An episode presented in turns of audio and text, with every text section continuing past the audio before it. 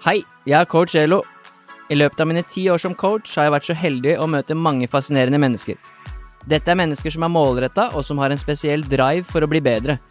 I denne podkasten har jeg fått sjansen til å sette meg ned med flere av disse, hvor de deler åpent og ærlig fra sin historie. Her deler de både erfaring og verktøy som er verdifulle for alle som ønsker å skape en forandring i livet sitt. Har du et mål eller et ønske om å forandre noe i ditt liv? Da er denne podkasten for deg.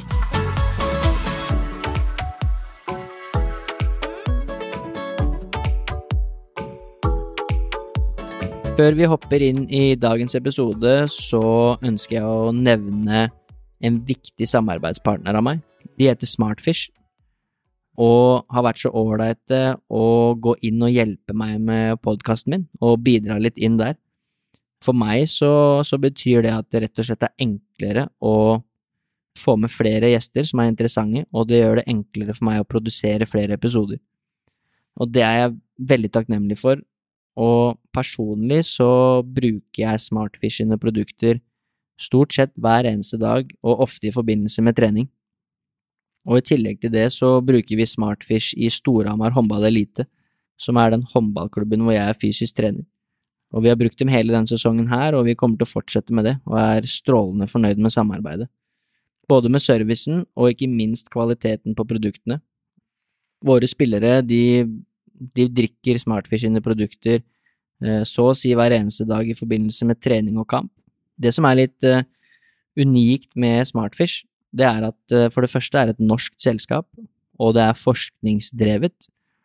Og det betyr egentlig bare at de bruker mye ressurser på å sørge for at deres produkter faktisk gir effekt, og de bruker ressurser på å forske på at deres produkter faktisk kan bidra til muskelrestitusjon, som er hovedoppgaven til produktene deres. Og for alle idrettsutøvere der ute så er jo muskelrestitusjon viktig, og alle idrettsutøvere de leter jo hele tiden etter hvordan restituere bedre, eh, restituere raskere, generelt sett restituere mer optimalt, da. Hvis du er litt mer interessert i forskning og har lyst til å lese litt om det, så kan du gå inn på smartfishsport.com der finner du linker til den forskningen som de er med på. Og for dere som ikke er så interesserte, så kan jeg jo forklare det kort, og eh, noe av forskningen viser blant annet at Smartfish sine produkter de har opp mot 50% bedre restitusjonseffekt enn vanlig proteinrestitusjonsdrikker. Og en av grunnene til det kan jo være blant annet at de inneholder omega-3. Smartfish sine produkter da har jo da et bra innhold av omega-3 og de viktige fettsyrene DHA og EPA, og blant annet så er det antiinflamatoriske egenskaper i de fettsyrene, som er viktig både for muskelrestitusjon, eh, men også for at du skal holde deg frisk og rask. Og omega-3 det kan du jo få i deg gjennom mat, og du bør få i deg det gjennom mat, men det kan være vanskelig for mange generelt, og spesielt for idrettsutøvere, å få i seg nok, og det er også nå en del forskning som viser at det kan være gunstig å få det i seg i forbindelse med trening. Og jeg synes personlig ikke det er helt konge å spise for eksempel laks eller drikke tran i forbindelse med trening. Da er det mye enklere å få i seg det gjennom en smartfish som du kan servere kald, uh, og som er juicebasert, og som smaker godt, og som inneholder ganske bra andel av omega-3, men også vitamin D. Og det er forskning som jeg nevnte, da, som viser at det kan være gunstig å ta det rundt trening, blant annet fordi at cellene dine blir mer mottagelige for opptak av næring, og det er jo ganske viktig når du skal restituere, og det er viktig generelt. Og i tillegg så er det praktisk, det er jo bare en liten boks, så det er veldig enkelt å ha den med seg på trening, kan putte den i bagen eller putte den i sekken. Eh, vi har det med oss når vi er på reise med Storhamar, har med oss eh, til utlandet, på bortekamper og så videre. Eh, så det er veldig praktisk. Og som jeg nevnte, så inneholder det også da vitamin D, og for oss som er fra Norge, kan det være litt trøblete å få i seg nok vitamin D på vinterhalvåret. Det er ganske mange som kan synke til et nivå av vitamin D som, som ikke er optimalt, eller som sliter med å holde nivået høyt nok, spesielt idrettsutøvere som trener mye. Så en liten digresjon der, det er jo at du kanskje bør gå og ta deg en blodprøve, uh, uansett, egentlig for å sjekke nivåene dine, ikke bare vitamin D, men også andre ting som er viktig. Men generelt sett så, så er det viktig for oss å få oss litt ekstra vitamin D i vinterhalvåret, fordi den viktigste kilden til det er sola. Og i Norge så har vi ikke sterk nok sol på vinterhalvåret til å få i oss det vi trenger. Og da må man få det i seg gjennom kosten. Det er tre forskjellige Smartfish-produkter i utgangspunktet. Tre forskjellige restitusjonsdrikker, hvor alle inneholder omega-3 og vitamin D. Noen inneholder litt mer omega-3, andre litt mer vitamin D, og så har du en som heter Recharge High Protein, som er den vi bruker i Storhamar, og som det er den jeg bruker personlig. Og det som gjør at den skiller seg litt ut fra de to andre, det er at den inneholder protein, eh, som du hører på navnet. Og den er også tilsatt lausin. Og lausin, det er jo en essensiell aminosyre, som blant annet har en Hva skal du si? Den er med på å stimulere proteinsyntesen din, som blant annet er viktig for muskelvekst. Og Det er også ganske fint, syns jeg, at de har tilsatt det sammen med myseprotein. Disse tingene kan du selvfølgelig også få i deg gjennom kosten, men det som gjør Smartfish veldig unikt og veldig enkelt for deg som utøver, er at du kan få i deg alt dette bare i én liten shake, alt samtidig. Både omega-3, vitamin D, lausin, protein og raske karbohydrater. Og det smaker godt, og det er veldig enkelt å drikke det etter trening, Uansett det har vært en hard treningsøkt, lett treningsøkt, om du er på reise, om du er hjemme, uansett hvor du er, så er det veldig enkelt å få i seg en Smartfish. I tillegg til det, det siste jeg skal nevne da om Smartfish, som jeg synes er veldig bra, det er at de er godkjent i Informed Sport. Og for dere som ikke vet hva Informed Sport er, så er det et uh, kvalitetssikringssystem, altså et antidopingbyrå eller et antidopingorgan, hvis du kan si det på den måten, som tester forskjellige typer supplementer og sørger for at de er rene og trygge for deg som utøver å ta. Olympiatoppen, blant annet, eh, de godkjenner alle produkter som er godkjent i Informed Sport. Og hvis du igjen er litt ekstra interessert, så kan du gå inn på Informed Sport sine sider, og der kan du lese om en haug av produkter som de tester, en haug av supplementer, hva som er godkjent og hva som er trygt for deg som utøver å ta. Men kort fortalt så kan du være trygg på at Smartfish det er trygt for deg å drikke, det er trygt for deg som utøver å få i deg, og det er høy kvalitet på innholdet. Det synes jeg er ganske viktig for alle idrettsutøvere å være litt nøye på, eh, hva du faktisk putter i deg, og ta litt ansvar for at det du putter i deg faktisk er trygt, ikke minst at det er trygt, men at det også har høy kvalitet. Og det er en annen sak, men det, jeg synes det er mange, mange utøvere der ute som er litt ukritiske som putter i seg forskjellige typer energidrikker og restitusjonsdrikker som de kanskje eh, kunne sjekka opp litt nærmere. Eh, men med Smartfish så kan du være helt sikker på at det er trygt for deg å ta.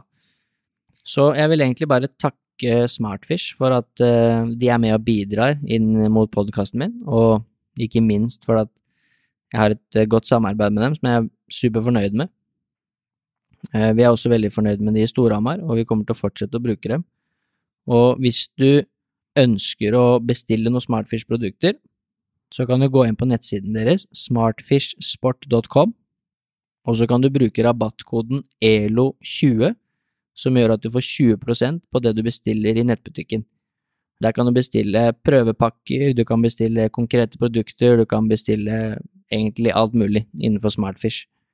Hvis du har noen flere spørsmål eller lurer på noe mer rundt Smartfish, så er kanskje det enkleste å sende meg en, en DM på Instagram, CoachAlo. Du finner link, eh, lenken til det i episodebeskrivelsen, eller du kan sende meg en mail, og den finner du også i bioen min på Instagram. Så skal jeg svare på alt dere måtte lure på innenfor Smartfish. Sørg for at du får i deg bra produkter med høy kvalitet, og fortsett å ta vare på kroppen din. Så tusen takk til eh, Smartfish for at dere er med og bidrar i podkasten min. Det setter jeg stor pris på. Velkommen til en ny episode av Coach Elo med gjester. Eh, vi er inne i sesong to, og i denne episoden her så er det min første herrespiller i håndball, og det syns jeg er litt kult. Eh, jeg har jo jobbet med, med kvinnehåndball i mange år nå, i syv-åtte år, så mye av min jobb har jo vært å jobbe med kvinner og håndball, men jeg har egentlig alltid vært veldig interessert i herrehåndball. Eh, spilte håndball selv fra jeg var sånn fire-fem år og til jeg var 17, og har egentlig alltid sett på herrehåndball. Drammen, som, hvor jeg er fra, hadde et ganske bra lag når jeg var liten, og hadde spillere som Glenn Solberg og Frode Hagen og Sven Erik Bjerkreim, og det var alltid god stemning i Drammenshallen. Og har egentlig også sett landslagshåndball så lenge jeg kan huske, da.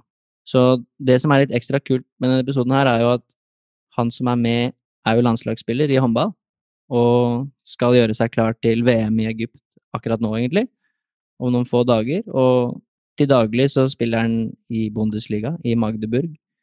Så jeg syns det er kult å ønske deg velkommen, Christian O'Sullivan. Tusen takk for det. Jeg sier navnet ditt riktig, ikke sant? Helt uh, veldig bra uttalt. Ja, bra. Uh, det er kult. Jeg kan si en sånn liten fun fact med en gang. For jeg har trent uh, din kjæreste Bettina gjennom online coaching i en god stund, faktisk. Og fått være med henne gjennom hva skal si, litt forskjellige faser i livet, egentlig. Og litt forskjellige typer målsetninger. Så i den anledning så fikk jeg julekortet av dere i år, eller, eller det blir i fjor, da. Jula 2020. Og jeg fikk også en, en signert eh, drakt fra ditt lag, da, Magdeburg, som jeg sitter med nå. Så jeg syns det er kult å spille inn episoden i en Christian O'Sullivan-drakt. I medium. Jeg er veldig glad for at det er medium. At ikke jeg fikk den kler deg. Ja, den kler meg. Ja, drakta kler deg. Fin drakt. Så hva skjer akkurat nå? Du sitter i karantene med de andre landslagsgutta? Ja, akkurat nå så er det første samlingsdag med landslaget. Vi forbereder oss til å dra til VM i Egypt. Vi eh, gjør oss nå klare for mesterskap i Egypt. Pga. korona så har vi måttet samle oss i Tyskland. Så vi sitter nå i karantene på et hotell i Flensburg, hvor vi har tatt koronatest i dag. Og håper at alle har negativt svar. Så nå sitter vi i isolasjon til vi egentlig får svaret. Og gitt at alle alle prøvene er negative i morgen, så begynner vi å forberede oss og trene fra i morgen. Og da skal dere gjøre forberedelsene i Tyskland? Ja, eh, det ble sånn nå. Vi eh, Det er veldig strenge regler med korona i Norge for tiden. Eh, og vi ønsker ikke dra med oss noe smitte hjem. De fleste av oss bor i utlandet og spiller i utlandet. og Reglene er der for en grunn. Så da var det best for oss å samles i Tyskland og gjøre oss klare her. Så, så, er det litt spesielt, men vi skal gjøre det så godt som vi kan og være godt forberedt til det. Ja, for det er jo ikke så lenge siden at det var mesterskap for kvinnene. Og de var jo i Danmark, sånn at der, der følte man at man hadde litt sånn oversikt, siden man, man Norge og Danmark ganske like, da. Selv om det egentlig skulle vært litt kamper i Norge òg. Men hvordan blir det å spille i Egypt? Har dere fått noe informasjon om eh, tilskuere og hvordan det blir å være der? Det er jo en, veldig, en annen del av verden, da. Ja, det blir første gang jeg tror for en del av oss som reiser til Afrika. I hvert fall første gang for min del, som blir spennende i seg selv. Uh, og så vet ikke jeg helt hvordan situasjonen med korona er der nede akkurat nå. Men det man har hørt hittil, var først at det i hvert fall skulle være uten tilskuere. Og nå ønsker de kanskje å spille med 30% kapasitet. Så hvis det er helsemessig forsvarlig, så syns jo vi det alltid, alltid er mest gøy med publikum. Det har vært et spesielt år i 2020 å spille, spille nesten alle kamper uten publikum. Det, vi savner tilskuere og den atmosfæren som er i arenaen. Så, så lenge det er helsemessig forsvarlig, så, så håper jeg det går veldig fint. Så har vi to treningskamper i Danmark nå, mot Danmark før vi, før vi skal reise ned. og Der tror jeg, der tror jeg det ikke får lov til å være publikum. Litt sånn som det var med damene. Vi får se hvordan det blir. Men eh, dere må være isolert på hotell og sånn, i hvert fall i Egypt. Dere har ikke lov til å fly rundt i byen og se på ting og sånn? Nei, det blir en boble, eh, sånn som jentene hadde sitt mesterskap. Vi, eh, vi må teste oss før vi kommer inn i bobla, og da gitt at de testene er negative. Og vi må også teste oss. Det er derfor vi må teste oss i dag, for da skal vi egentlig ha ti dager før vi går inn i bobla da, hvor vi er symptomfrie og har testet negativt. Så det blir en uh, annerledes opplevelse å, å, være på et mesterskap hvor man ja, egentlig lever isolert hele tiden. Uh, men jeg håper og tror for vår del så, så blir det at vi har ett mål, og det er å, å vinne i Egypt. Og nå er det i hvert fall ingenting som kan distrahere oss fra det. Uh, nå er det sove, spise og spille kamper som gjelder i VM. Ja, det er kult, for det, det, glemte jeg faktisk å si i introen, men du har jo vunnet to VM-sølv med Norge og én EM-bronse. Eh, så bare det beskriver jo hvor nære dere har vært da, de siste årene. Med å komme helt på toppen. Jeg veit jo at det er det som er målet, selvfølgelig. Absolutt, det er helt riktig. Og selv om vi ønsker å vinne, så er vi fullstendig klare over at vi kan gjøre et kjempegodt mesterskap eh, og ryke i en eventuell kvartfinale. Eh, for nivået er såpass høyt og såpass jevnt. Men vi liker å sette oss høye mål. Uh, vi ønsker å bli best, og det er det, det, er det vi jobber mot. Og det var veldig gøy å se jentene i desember, og vi håper at vi kan gjøre noe av det samme. Ja, det håper vi også. Det har vært, vært, kult å følge med de siste årene. Det virker jo som en, sånn, en, en bra gjeng, eller at det er liksom Eh, både med trener og med alt, at dere, at dere trives sammen. Det er I hvert fall sånn det virker sånn man ser utenfra, da. Ja, veldig. Vi, eh, vi, gleder oss til å komme på landslagssamling. Det, eh, det er en veldig fin gjeng. Og samtidig som vi klarer å jobbe hardt og målrettet sammen. Og nå, nå har det vært en ganske lik gruppe over lengre tid. Selvfølgelig, og helt naturlig, er det noen utskiftninger hver gang. Noen spillere som er i form, og noen spillere som ikke er i form sånn er det, og sånn skal det være i de beste lagene. At det er tøff konkurranse om plassene. Men vi har det veldig bra sammen, og vi gleder oss til å konkurrere sammen. Og dere har jo faktisk to spillere som ble historiske bare for noen dager siden. Eh, I Harald Reiken og Sander Sagosen, som vant Champions League-gull. Det er vel nummer to og tre som har gjort det noen gang. Det er vel bare Børge Lund som har gjort det før i Norge. Så det var ganske ja, så alle tre, ja, alle tre er med oss nå. Ja, så det, det er kult, det. Eh, men eh, det var utrolig imponerende å se. Jeg synes eh, Barcelona og Veszprem egentlig var de to verste lagene de kunne møte. og de slår Veszprem etter en fantastisk spennende håndballkamp i ekstraomganger og vinner med ett mål, hvor Sander og Harald spiller veldig gode, veldig bra, begge to. Og en finale mot det laget som har vært desidert best i Europa i, i hele 2020. Og um, de spiller en vanvittig god førsteomgang og skårer 19 mål mot Barcelona. og sliter litt i andre omgang, men klarer å legge om og spille, spille smart i syv mot seks. Og da, da Sander noen viktige skåringer på slutten som gjør at de, de drar det i land. Så det var uh, gøy. Og jeg tror, uh, eller vet at det er det største man kan vinne som klubbspiller. Uh, det er Champions League. Og det, man står i stor respekt for den prestasjonen de leverte. Det kan være fint å dra med seg litt selvtillit òg inn i VM, og litt vinnerkultur. Det begynner jo å bli det i det laget deres nå? Ja, vi har i hvert fall vært veldig nære, og så er det jo mange som, som vinner ting for sine klubblag. Eh, men eh, nå ønsker vi å vinne sammen. og du har helt riktig. Eh, vinnerkultur, eh, det er bare bra. Men eh, før vi skal prate litt mer om deg og høre mer om din historie, så hvem, hvem er de største utfordrerne? Det er jo mange herrelag, i hvert fall syns jeg, da, som er gode. Det er litt sånn På kvinnesida så kan man alltid nevne kanskje to som kanskje klarer å slå Norge hvis de er på maks, men herrehåndball er mye gode lag, syns jeg. Det er litt mer sånn uoversiktlig, flere som kan vinne, på en måte. Absolutt. Uh, og det er nesten hvert år alltid et overraskelseslag. Uh, nå var det det på jentesiden i år med Kroatia, uh, som ingen hadde sett egentlig skulle komme. Men uh, vi møter i første kamp Frankrike, som er alltid en av de store favorittene. Spania vinner så å si alle kampene de spiller og leverer gode resultater. Jeg tror jeg kanskje holder Spania som favoritt selv i det mesterskapet her. Har et uh, fantastisk godt lag med en kombinasjon av unge, gode spillere og uh, en del rutinerte. Uh, og viste i EMs historie ble mestere, hvor, hvor, gode de er.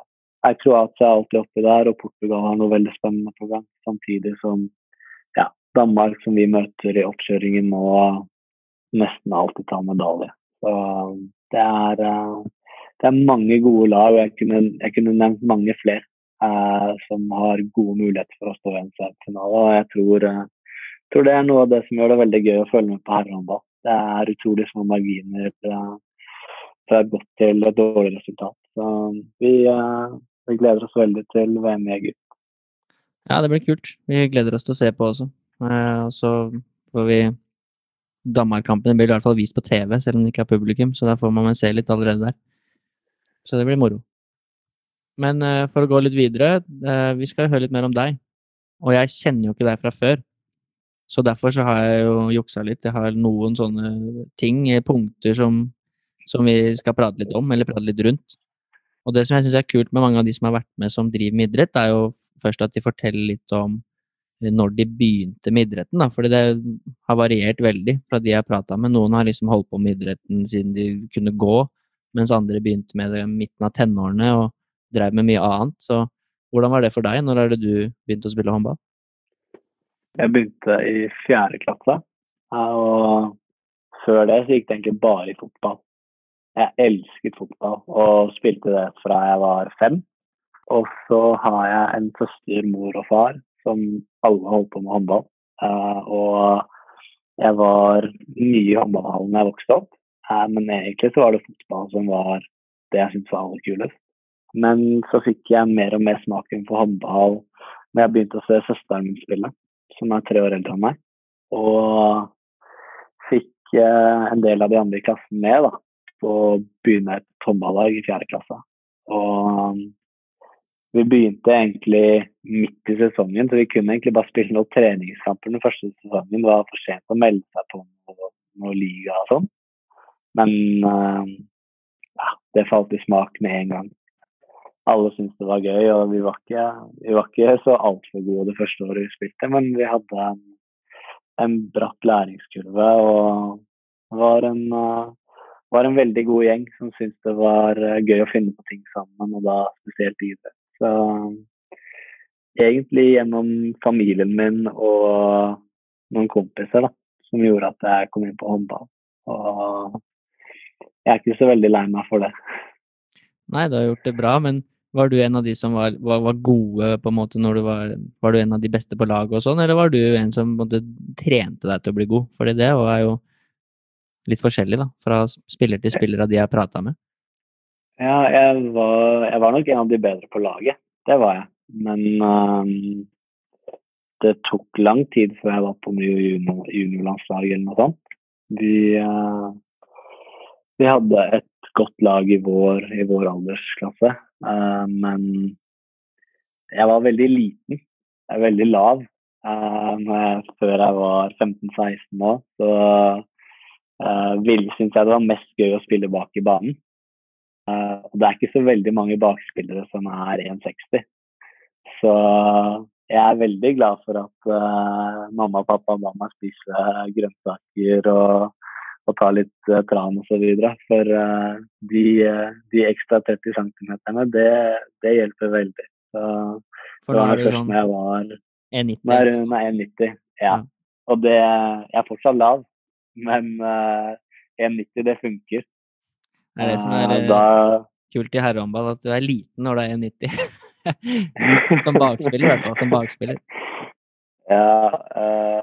Uh, Bettina mobber meg når jeg står ved siden av uh, Harald Reinkin og Magnus Rød, som begge er to meter og høyere. Uh, at liksom TV-kameraet går liksom ned når de skal filme, når de skal filme meg. Så jeg føler meg ikke som en av de største gutta heller. men med 1,90 på strømpelesten så kan jeg i hvert fall at jeg er høy nok til å spille fremover og bakover. Og jeg syns begge ting er veldig gøy. Det er jeg glad for. Men for min del så, så spilte jeg håndball fordi jeg syntes det var gøy. Uh, ikke fordi at jeg trodde at det var det her jeg kom til å holde på med. Um, mamma og pappa, selv om de har spilt håndball selv, var mer på ja, skole som var viktig. Men uh, jeg hadde en storesøster som gikk på Vang toppidrett, og ønsket å finne ut om håndball var noe for meg eller ikke. Og ved å gå der, så trener man ekstremt mye mer enn det man gjorde bare året før. da. Eh, øket treningsmengden veldig. Og da tror jeg man finner ut i hvert fall lite grann hvordan det er å være som en profesjonell. Da. Det å trene på dagen, trene på kvelden, uh, se hvordan det er. Og jeg syns det var et veldig tungt første halvår. Uh, det var uh, rett og slett bare tungt for kroppen å komme inn i. Og spilte kanskje heller ikke min beste håndball da, men det løsnet veldig etter hvert, og jeg skjønte fort at jeg hadde gjort et riktig valg. Ja, for det er litt interessant det du snakker om der, fordi jeg har jobbet med kvinnehåndballspillere lenge. Og, og, da har vi jo alltid noen spillere som, som, er unge, da, som fortsatt går på videregående. Og mange av de går jo på typ Vang eller NTG eller andre toppidrettsgymnas hvor de spiller håndball. Og det er veldig vanlig at den overgangen blir veldig tøff for mange, og der er det veldig mange som faller av. Noen blir skada, og det blir for mye, andre går kanskje lei. Det er i hvert fall vanlig da, i den, den, fasen der at det er mange som detter av håndballen, eller fotball, altså, for at det øker så mye da, i mengde og volum, og som du sier, alt blir litt mer seriøst. Hvordan var det for deg og, og de du spilte med? Nei, for meg var det jo også, som du sier, altså, det er jo veldig mange når man er 15-16 år at man også begynner å spille for, for elitelagene. Uh, og sånn var det for min del òg. Og um, jeg tror ikke jeg var god nok til å si i starten at jeg var, at jeg var for sliten. Uh, da syntes jeg alt var så gøy, jeg ville helst være med på alt. Så man tror liksom ikke man skal få, få sjansen igjen, da. Uh, så jeg kunne fint trene håndball mandag morgen, håndball mandag kveld, og så en liten pause, og så en gang til håndball. Og det går jo ikke i lengden. Det er uh, altfor høy belastning uh, og altfor mye håndball. Så jeg vet, uh, jeg vet Og bare til mitt tredje år så var de mye flinkere til å regulere belastningen. På at jeg skulle få trene nok styrke, trene nok håndball og få nok hvile. Så, og det hjalp meg også veldig. De var, Vang var veldig flinke sammen med sammen med klubb til å legge til rette for at uh, det ikke skulle bli for mye. Det er bra. Jeg kjenner meg igjen i mange av de problemstillingene der, av mange av de som jeg jobber med. og eh, Noen er flinke til å legge til rette, mens andre skoler ikke så flinke, og, og da blir det veldig vanskelig eh, når de er en del av et lite lag. Når man vet ikke helt eh, Spilleren blir liksom dratt i alle retninger, da. Men mm. du fortalte jo litt i innledningen at mange av de du spilte med, eh, var veldig gode til å spille håndball. Men så er det bare du som har blitt håndballspiller. Hva tror du er grunnen til det? Eh, vanskelig å si sånn direkte hvorfor det bare er blitt meg. Det kunne blitt flere. Og vi, mitt siste år på junior så tror jeg vi nesten gikk uten sesongen uten å tape en kamp. Eh, og hadde derfor et veldig godt lag. Men vi hadde òg mange som hadde flere interesser. Mange som var veldig flinke på skole og var egentlig ganske klare på at det kom til å være det etterpå. Men vi hadde tre-fire andre som også forsøkte seg videre. Og hadde absolutt talent nok til å bli gode håndballspillere. Men uh, jeg tror han vet at det jeg og som de har sagt til meg tidligere, for vi er fortsatt gode venner, er de savnet det samholdet, da. Det å gå fra Eh, å være en kameratgjeng til å spille profesjonelt. Det, det krever litt, eh, litt, andre ting. Eh, vi, når man er juniorspiller og holder på, så, så, er det som regel noen av de beste vennene man har, som man spiller med og har et ekstremt godt samhold med. og om kompisen din bommer eller scorer på et skudd, det er ikke, det er ikke så viktig. Du er glad i det uansett. Men uh, når du kommer opp på elitenivå, så, så er ting hardere. Det er forventet at du er uh, god og leverer, og så um, kan det være en tøff overgang for mange. Uh, og kan være vanskelig å finne det samholdet som du hadde tidligere. Og jeg tror det er kanskje hovedgrunnen til at en del av mine kompiser falt av. At det var ikke helt den, den samme greia å gå på trening til elitelaget som det hadde vært tidligere med junior. Uh, mistet litt gleden, rett og slett, uh, av det. Og litt for mye fokus på prestasjon og ikke, ikke nok på det sosiale, da. Uh, og sånn er det på elitesatsing. At da, da, krever det at man er sterk mentalt, og at man, man vet hva man går til. Og det som i hvert fall de har sagt, er at de er veldig glad for at de prøvde. At det ikke bare OK, jeg drar i militæret eller jeg satser på skole med en gang. De som prøvde, har liksom sett at OK, vet du hva, det her det, det var ikke noe for meg. Eh, men jeg har prøvd, og jeg har sett hvordan livet mitt ville sett ut hvis, hvis det er den veien her jeg hadde gått. Eh, og de som ikke gjorde det, de angrer som regel i dag. Av de gutta som var gode som jeg spilte med, at de ikke prøvde. Så jeg håper folk heller prøver en gang for mye. Og så hvis man finner ut at man enten ikke er god nok, eller at dette ikke var som man trodde, så, så, er, man så er, man forhåpentligvis gode på, god på andre ting som man eh, kan drive med i livet. Ja, det, det, det, treffer meg litt det du sier, fordi jeg kjenner meg veldig igjen i det sjøl. Jeg, eh, jeg, valgte jo fotball når jeg var 16-17. Eh, da måtte jeg velge mellom håndball og fotball. og da spilte jeg jo også begge deler med kompiser, altså med kompisgjengen. Og det husker jeg godt da jeg gikk fra Lier, som var min klubb, til Strømsgodset, som var da en eliteserieklubb, hvor liksom alt blei veldig seriøst. Og du gikk fra spille da, som du sier, med kompisene dine til å ikke kjenne noen på laget, og også være yngst og være dårligst, egentlig. Gå fra å være den beste til den dårligste. Og du kjenner ingen, så den overgangen er veldig Den er tøff. Jeg husker det var tøft lenge. Så jeg havner nok litt i den kategorien som noen av kompisene dine, at jeg var, var, god til å spille og glad at jeg prøvde, og spilte toppfotball i hvert fall fire-fem år før jeg fant ut at det var ikke for meg, da. Men det er som jeg tror jeg hadde angra hvis jeg ikke hadde prøvd, sånn som noen av de gutta dine gjør.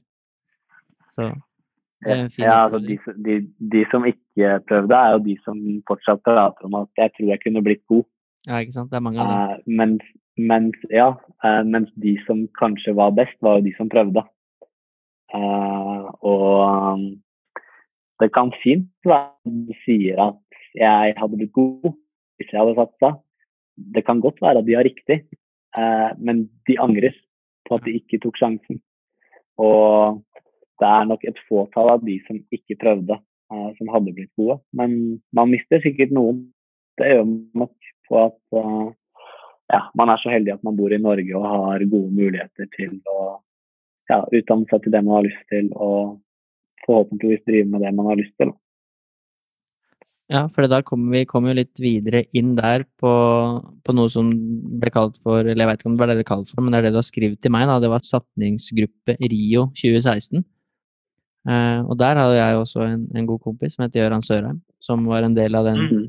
den, gruppa der. Så du kan jo fortelle litt hva det var for noe? Ja, Gøran eh, er jo ett år eldre enn meg, og Um, spiller nå i Drammen. Og når jeg vokste opp og vi spilte på samme juniorlandslag, og da var jo Gjøran tidlig en av de aller, aller beste. Uh, sammen med Simen Strømberg på min posisjon, og to spillere som jeg så veldig opp til. Og fikk lov da til å trene med i et sånt prosjekt som het Rio 2016. Um, med, hvor, de samlet, hvor, de samlet, da de beste unge spillerne i de forskjellige områdene i landet. Så noen i bergensområdet, noen og jeg tilhørte da den Oslo-gruppa. Um, fordi man ønsket at de beste unge spillerne skulle trene litt mer uh, og på høyt nivå. Uh, og da fikk vi Glenn Solberg som trener, eh, håndballmessig. Og eh, Robert Hedin i starten, da, som starta det. Og Ole Viken eh, som styrketrener. Og de, det de gjorde, var at de la et utrolig godt grunnlag for to ekstra håndballtreninger i uka på høyt nivå, hvor vi fikk trene tekniske ferdigheter som det ikke blir så mye tid til i klubb. Um, det er ikke så mye tid til å forbedre deg i klubb på hoppskuddet ditt. Uh, fordi i klubb så er hovedfokus at laget skal vinne. Uh, og da går mye til taktisk, uh, tek taktisk trening, og ikke så mye til teknisk trening. Og der fikk vi to ekstra treninger i uka hvor det var mye fokus på oss personlig som spillere, og hva vi kunne utvikle oss på. samtidig som vi fikk en ekstra styrkeøkt hvor de fikk eh, sett hvor, eh, hvor, vi var sterke og hvor vi ikke var så sterke. Og fikk jobbet med svakhetene våre. Så det var eh, Jeg lurer på om jeg var med her i tre år. Og vi fortsatte også Vi klarte jo dessverre ikke å kvalifisere oss til Rio 2016, så de har jo fortsatt prosjektet nå og videre. Men en tid hvor jeg lærte masse og fikk se på og trene med spillere som jeg så opp til og kunne lære masse av, og som var veldig villig til å dele kunnskap. da.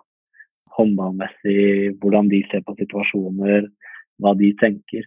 Og eh, jeg tror uten den, den fatningsgruppa som var der, så tror jeg, jeg er ikke det så sikkert at jeg hadde vært elitespiller i dag. I hvert fall ikke spilt i utlandet der jeg spiller nå. Ja, for det var, det var ganske mange av, i den gruppa som blei utenlandsproffer. Jeg tror nesten, nesten alle. Altså tipper rundt 80 da, av de som var i den gruppa, spilte senere i utlandet. Av de jeg startet med, så uh, har du Torbjørn som nå er i Flensburg. Du har Christian Sæverås som kommer etter hvert, som nå spiller i Leipzig. Du har Sebastian Barthold som spiller i Aalborg. Du har Christian Rammel som var utenlands i Danmark og nå spiller i ØIF Arendal. Du hadde Simen Strømberg som lenge var god i norsk liga og prøvde seg litt i utlandet i Danmark. Uh, og som nå har gitt seg med håndball. Uh, du har Gjøran som spilte en del år i Danmark uh, og nå spiller i Drammen igjen og er de beste spillerne i norsk eliteserie. du har Thomas Christensen som fikk en del år i Gøppingen og et år i Spania. Det er mange sånne historier om ja, noen av de beste unge spillerne i Norge. Da, som jeg tror pga. det prosjektet som landslaget satt med, eh, fikk en veldig, veldig god utvikling. Og pga. man har fått, vært heldig og fått lov til å spille med flagget på brystet, så er det kanskje litt større og utenlandske ligaer som har, har sett oss spille. Det har hjulpet veldig å se så stor forskjell det var fra Eh, når jeg kom inn på landslaget til nå i forhold til hvor mange unge spillere, eh, gode spillere, som nå spiller utenlands i forhold til hvordan det var tidligere. Så der har eh, landslaget truffet veldig godt. Ja, for du er jo proff i Bundesligaen i Magdeburg. Og ja. før det så var, du, så var du en tur innom Sverige. Og ja. Du nevnte for meg før vi begynte å ta opp at du, du var glad for at du hadde den eh, mellomstasjonen, hvis vi kan kalle det for det, eh, i Sverige, i Kristianstad, før du, før du, gikk videre til Tyskland. Ja, fordi eh, det finnes en del altså mange gode unge norske spillere nå som kunne fint gått fra Norge til Bundesliga med en gang. Noen er gode nok til å gjøre det òg. Det er bare at en av de største fordelene jeg merket når jeg gikk ut, og en av grunnene til at jeg var veldig glad for at jeg gikk innom Sverige, var at jeg kunne kommunisere med, med de jeg spilte med fra dag én. Uh, for uh, der jeg spiller nå i Tyskland, i Magdeburg, så er det forventa at jeg kan tysk, og at jeg prater tysk på trening. At det er arbeidsspråket vårt. Og jeg vet at det er muligheten til å ha ta det på videregående, men det er ikke så mange som prater det språket de hadde på videregående flytende i dag, for å si det sånn. Så det var uh, en stor forandring å gå fra Sverige til Tyskland. Uh, og jeg er veldig glad for de to årene jeg hadde der, og det at jeg kunne være meg selv uh, med en gang jeg kom. Man kan være den personen man, man er, man kan vise litt personlighet fra dag én. Eh, og det er lettere å komme inn på folk og bli kjent med folk. Det første halve året var megatøft pga. det. Um, heldigvis er det noen eller var det noen skandinavere i det laget da, og det er jo flere nå, uh, som gjør at man kan prate litt sitt eget språk, men man ønsker å ha gode og tette relasjoner med alle man spiller med. Så er det ikke alle man går like godt overens med, men, men det å ikke kunne være seg selv det første halve året, det er tøft. Og det er vanskelig, fordi gutta sitter og kødder i garderoben etter trening eller før trening. og Du ønsker å være en del av samtalen, og i starten skjønner du ingenting av hva de sier. Og etter hvert når du skjønner hva de sier, så er det så vanskelig for deg å lage setninger i hodet kjapt at du på en måte ødelegger litt av stemninga. Det ender opp med ofte at man ikke sier noe. da. Og så hvis man da skal prøve å være morsom i tillegg, og i Norge så bruker vi mye ironi, Og det er ikke, tyskerne er ekstremt dårlige på ironi, uh, så de tror at du mener det du sier. Og da blir det fort enda dårligere stemning, og da ender det med at du i hvert fall ikke tør å si det neste gang. Så jeg er utrolig glad for at jeg valgte å gå og ta to år i Sverige, da. Jeg syns det er, eller var i hvert fall, en litt bedre liga enn norske. Nå er det norske blitt veldig mye bedre, men det å eventuelt kanskje se til Danmark, eh, som mange som nå er på landslaget har gjort, da. Gå til Danmark først, og så eventuelt gå videre. Eh, ikke bare pga. det sportslige, men mye pga. det sosiale. Eh, og det å trives godt i den klubben man kommer til veldig fort. Da. Um, så tror jeg det kan være lurt å se til Sverige og Danmark. Ja, for jeg hadde jo med en gjest uh, for ikke så lenge siden som heter Amanda Kurtovic. Hun er jo også ganske kjent håndballspiller. Og hun fortalte om det når hun gikk til Romania fra Larvik og sier egentlig mye av det samme som deg, at uh, mye av det som var vanskelig, var språk, og det å skulle være morsom eller dra en spøk, eller Og disse østeuropeiske jentene er jo litt annerledes enn de norske, så de tror jo bare at du er helt fucka i huet, som hun sa, fordi de skjønner ikke hva du mener, ikke sant. Og hun også hadde veldig tøft det første halvåret, og var ikke så sosial da, utafor. Mange av de som hadde sine egne liv og så hun òg oppfordra litt til det. Hun snakket ikke noe om å velge Danmark og sånn, men hun sa i hvert fall sørge for at man er klar eh, mentalt og er på et stadie i livet hvor du på en måte er klar for å være selvstendig da, og, og ta et sånt valg. Så. Ja, og en av de tingene som også var en fordel med og man ser i Sverige og, og Danmark, da, er at det ofte er en litt uh, Spillergruppen er litt yngre i gjennomsnitt. Um, så det er uh, Hvis du er en ung spiller og reiser ut, da, og reiser rett til Tyskland så, og, og, havner i en klubb hvor ti av de du spiller med, har kone og barn og er i et helt annet stadie i livet enn deg, uh, så er det ikke sånn at de kan henge og spille PlayStation på kvelden. Uh, for de har sine egne liv. Og det, det kan være vanskelig. Men jeg syns i hvert fall oftere og fra egen erfaring Eh, og fra de erfaringene man hører andre har gjort her hos oss, da, eh, at de er veldig glade for at de enten dro til Sverige eller Danmark først, og har fått veldig mange gode kompiser der eh, som er typ samme alder og er i samme situasjon. Da. Så nei, det er ikke alltid så lett. Men nå er du jo i hvert fall i Tyskland, og du har jo samboer, og dere har fått dere hund, Max, har jeg fått med meg. Yep. Han er kul. Og så er det sånn at du også kombinerer jo topphåndballen med både landslag og det å spille i Bundesliga med å studere? Du kan jo kanskje si litt om hvordan, hvordan det er, for det høres jo litt tøft ut når du er på det nivået som du er på? Uh, og det er det også.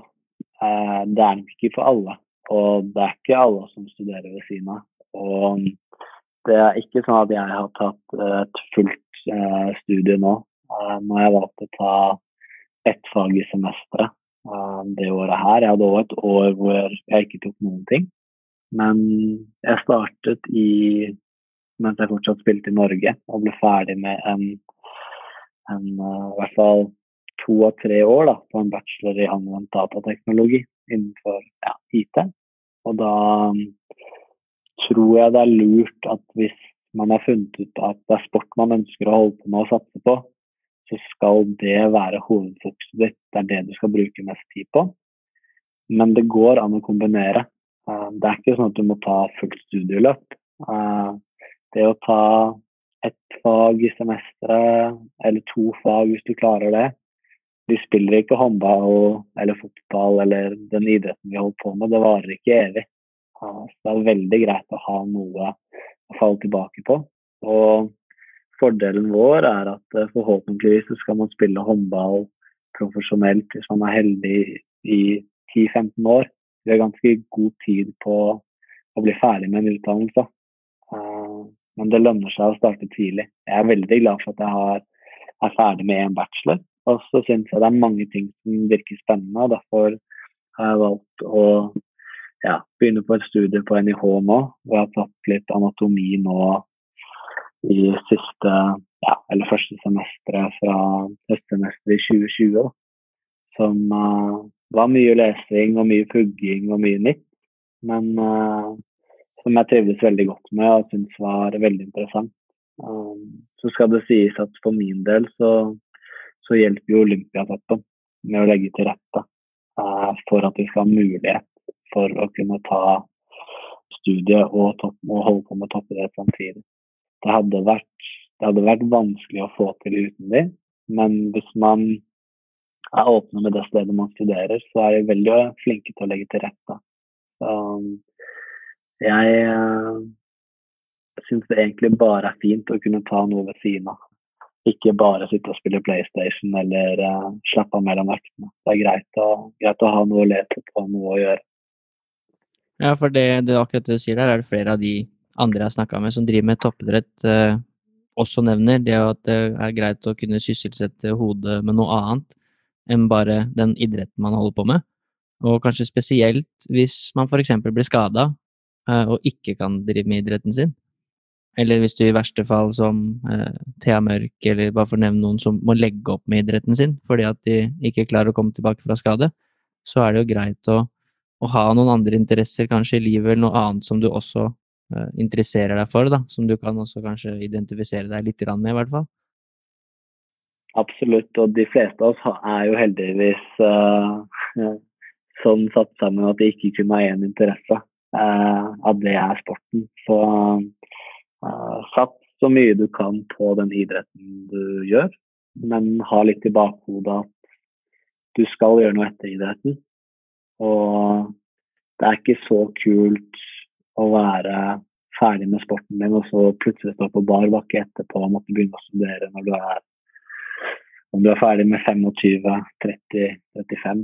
Eh, hvis du kan klare å ta litt imens du holder på og er aktiv, eh, så tror ikke jeg at det går noe utover sluttresultatet av din profesjonelle karriere.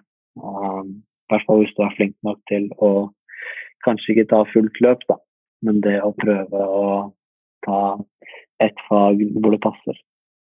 Ja, det er gode tips. Jeg tror det er mange som Jeg kjenner mange som gjør det samme som deg, da. De studerer ved siden av. Og det er som du sier, man har jo ikke dårlig tid. Man kan jo ta det over mange år. Og er man heldig å få lagt det litt til rette, så er det fullt mulig å gjøre det. Så det tror jeg er mange som gjør, og som ser på på samme måte som du.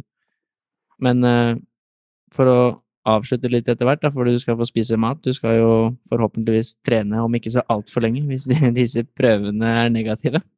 Vi håper på det, da. At alt er eh, negativt, og at vi kan komme i gang i morgen. Ja, det håper vi på.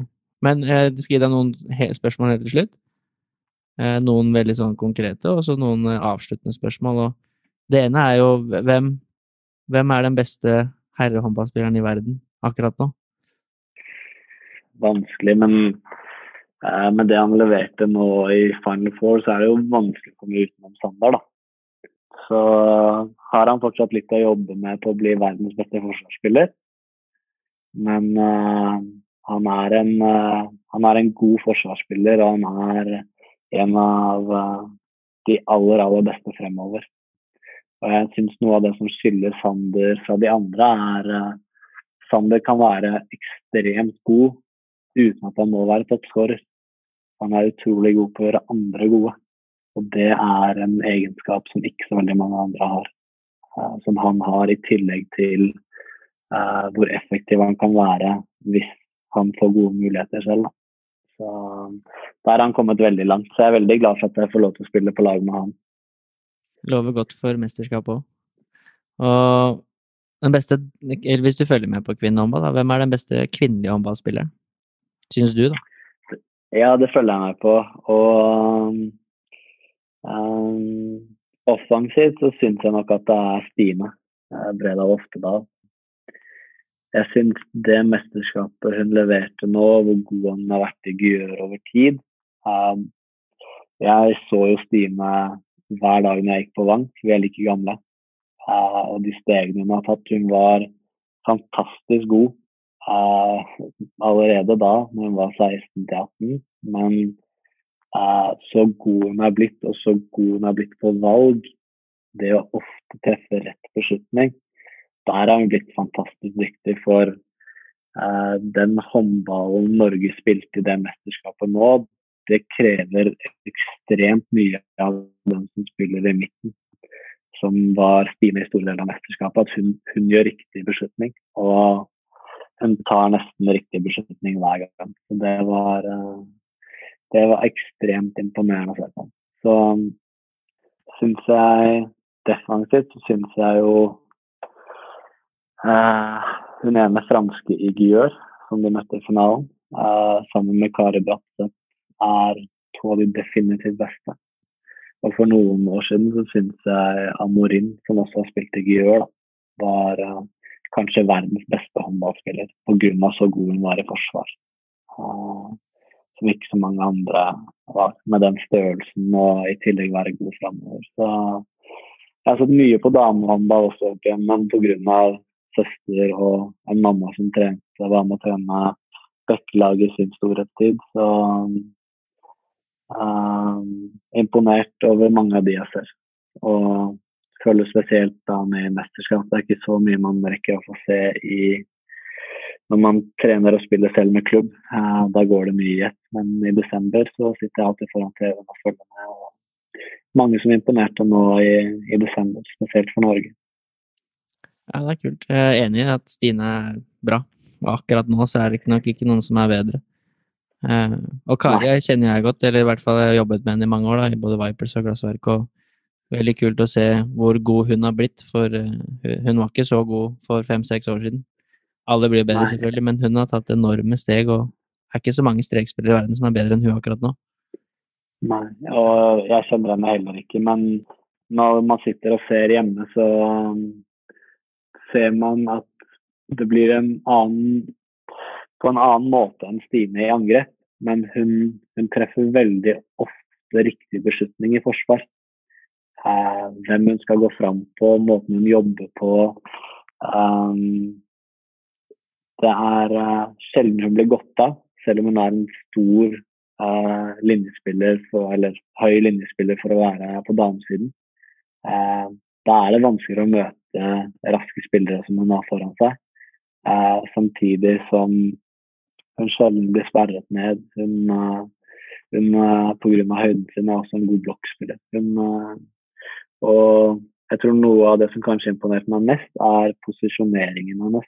Det ser ut som hun når motstanderen starter å spille sitt system, da, så ser det ut som hun vet akkurat hva som kommer. Og da gjør hun gode valg ut ifra det. Så nei, jeg syns uh, hun imponerte også veldig under mesterskapet nå. Og er en stor del til at Norge klarer å både slå Danmark og slå Frankrike. Ja, det er kult. Kult at du følger med litt på kvinnehåndball òg. Men uh, jeg skal gi deg tre spørsmål uh, helt til slutt, og det ene er hva er det beste tipset du kan gi til en ung utøver som har lyst til å bli god? det trenger ikke være håndball, men en som er 16-17 og har begynt på Vang eller noe annet, en annen toppidrettsskole, hva det måtte være, og, og, som tenker at skal prøve å bli god til å holde på med idretten her? Nei, altså Jeg var også usikker på om jeg skulle velge håndball eller fotball. Og det var ikke fordi at jeg var kanskje like god i fotball som jeg var i håndball, men det var at jeg syntes at begge tingene var ekstremt gøy å holde på med. Men hvis jeg skal gi et godt tips, så er det holde på med mange idretter når man er ung. Og så finne ut, eh, finne ut, av det man har lyst til. Og det finner man ut av i forhold til at man ofte har en større mestringsfølelse, at man syns det er gøy å holde på med. Eh, for idrett skal være gøy, spesielt når man er ung. Eh, det er eh, sånn man også kommer gjennom de tunge tidene, for det kommer også tider hvor man ikke presterer så godt. Så legg ned hard trening og tøff trening, og øv på detaljer. Eh, se for deg ulike spillsekvenser som du vet kommer mange ganger i løpet av en kamp. Det må ikke være hoppskudd. Eh, du kan gjøre det kjempeenkelt. Du kan jobbe på bare noen enkle bevegelser med beina dine. Du kan sette opp to skjegler eh, for å finne ut at OK, jeg er ikke så god i forsvar, jeg klarer ikke å bevege beina mine ordentlig. Jobb spesifikt med noen ting, og sett deg ned, finne ut hva jeg er god på, hva jeg er dårlig på. Og jobb med de tingene du er dårlig på. Selv om det kanskje er mye kjipere enn å jobbe med det man er god til. Uh, og at uh, hvis folk ser på at det ikke ser så bra ut. Uh, men de spillerne som har få svakheter, det er definitivt de som er aller verst å spille mot. Og det er mange spillere som er gode på én ting, spesielt når man er ung. De blir som regel ikke så gode når de blir eldre, for da klarer motspillere å ta bort den ene tingen de er gode på. Så finn to-tre ting du ønsker å bli ordentlig god på, og så jobb med det først. Når du har jobbet med det en god stund, begynn å se på det du ikke er så god på, og jobb med det. Da blir du en veldig mye bedre spiller eller idrettsutøver innenfor den grenen du holder på med. Som, ja, for min del så har jeg mest, uh, mest, erfaring med ballsport. Det er kanskje enklest å ta erfaringer ut ifra det, men det er uh, mange ting jeg skulle ønsket jeg hadde arbeidet mer med da jeg var yngre. Som jeg ikke syntes var så kult, fordi jeg ikke var så god til. Ja, det er gode tips.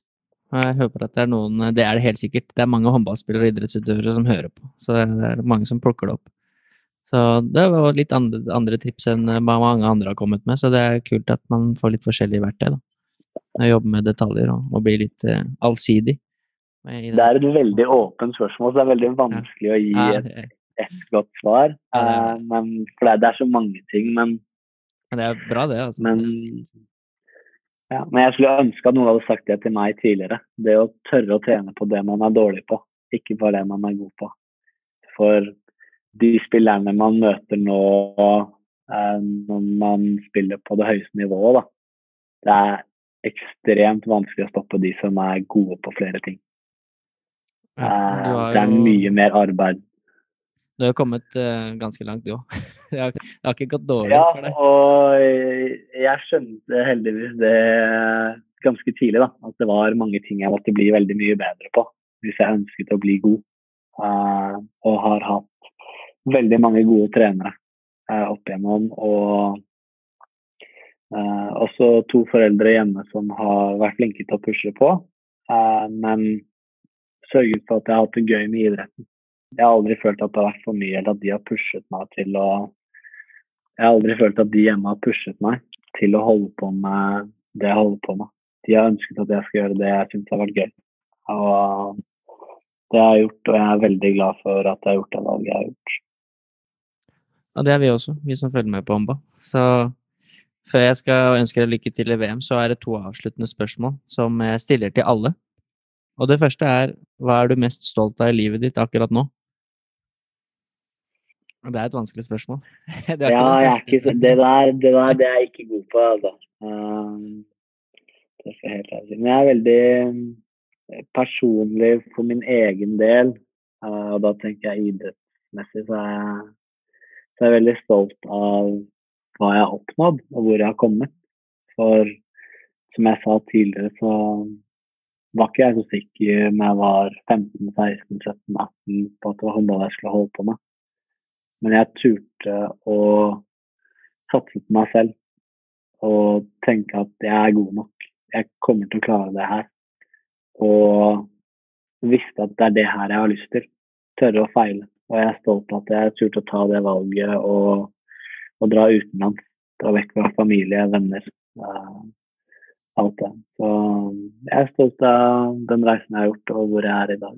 Så jeg er veldig, jeg er veldig stolt av at jeg får lov til å spille på et så godt landslag og for et så bra klubblag som jeg gjør nå. Det er absolutt ikke gærent å være stolt av. Du har gjort det bra, og du har forhåpentligvis mange år igjen på håndballbanen også. Du er jo ikke blitt 30 engang, så det blir gøy å følge med. Og det siste spørsmålet er eh, hva mener du at vi medmennesker burde si til hverandre oftere?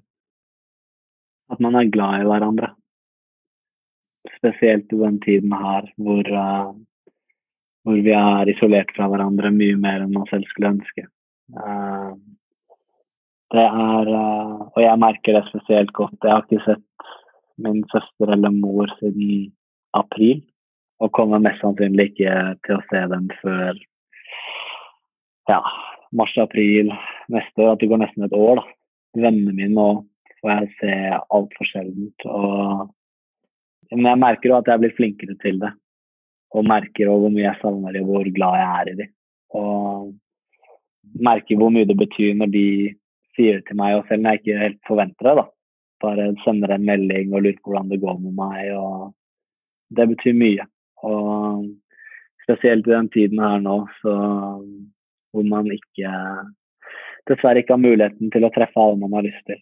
Så tror jeg det å sende en melding og si at man tenker på dem, eller at man er glad i dem og savner dem, det, det tror jeg sprer mye glede. Ja, det er et godt tips, eh, og enkelt.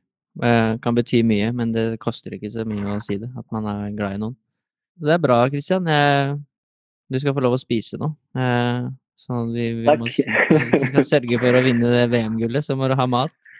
Men eh, tusen takk for at du blei med, det var, var kult. Og den første herrespilleren som er med, og setter standarden for det. Gjøran skal også være med. Og, og Ole Gustav Jekstad, blant annet. Han er lenge siden han spilte håndball, men han var god en gang i tida, så kult. Ja, han er, flink, han er en flink trener.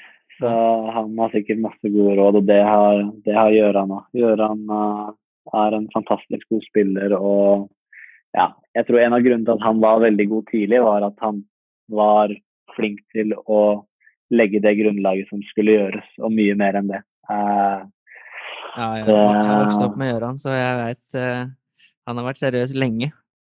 Det skal ja, nevnes, det skal, eh, skal, ikke handle om han, men han var fryktelig god til å spille fotball òg, så han kunne nok blitt uh, fotballproff også hvis han hadde lyst til det. Kan godt hende han angrer på det òg, at han ikke ble det òg, men det kan ikke bli begge deler, dessverre. Nei, det tror jeg ikke noen får til nå, altså. Det tror jeg er for vanskelig. Men uansett, tusen takk for at du blei med, og masse lykke til i VM. Vi skal følge med på skjermen og satse på at det, nå har du to sølv, så nå må vi ha et gull. Jeg håper på det. Det er bra. Lykke til. Tusen takk for at du har satt av tid til å lytte. Det setter jeg stor pris på, og jeg håper at du sitter igjen med noe verdifullt. Hvis du ønsker mer inspirasjon til trening og helse, følg meg, coach Elo, på Instagram.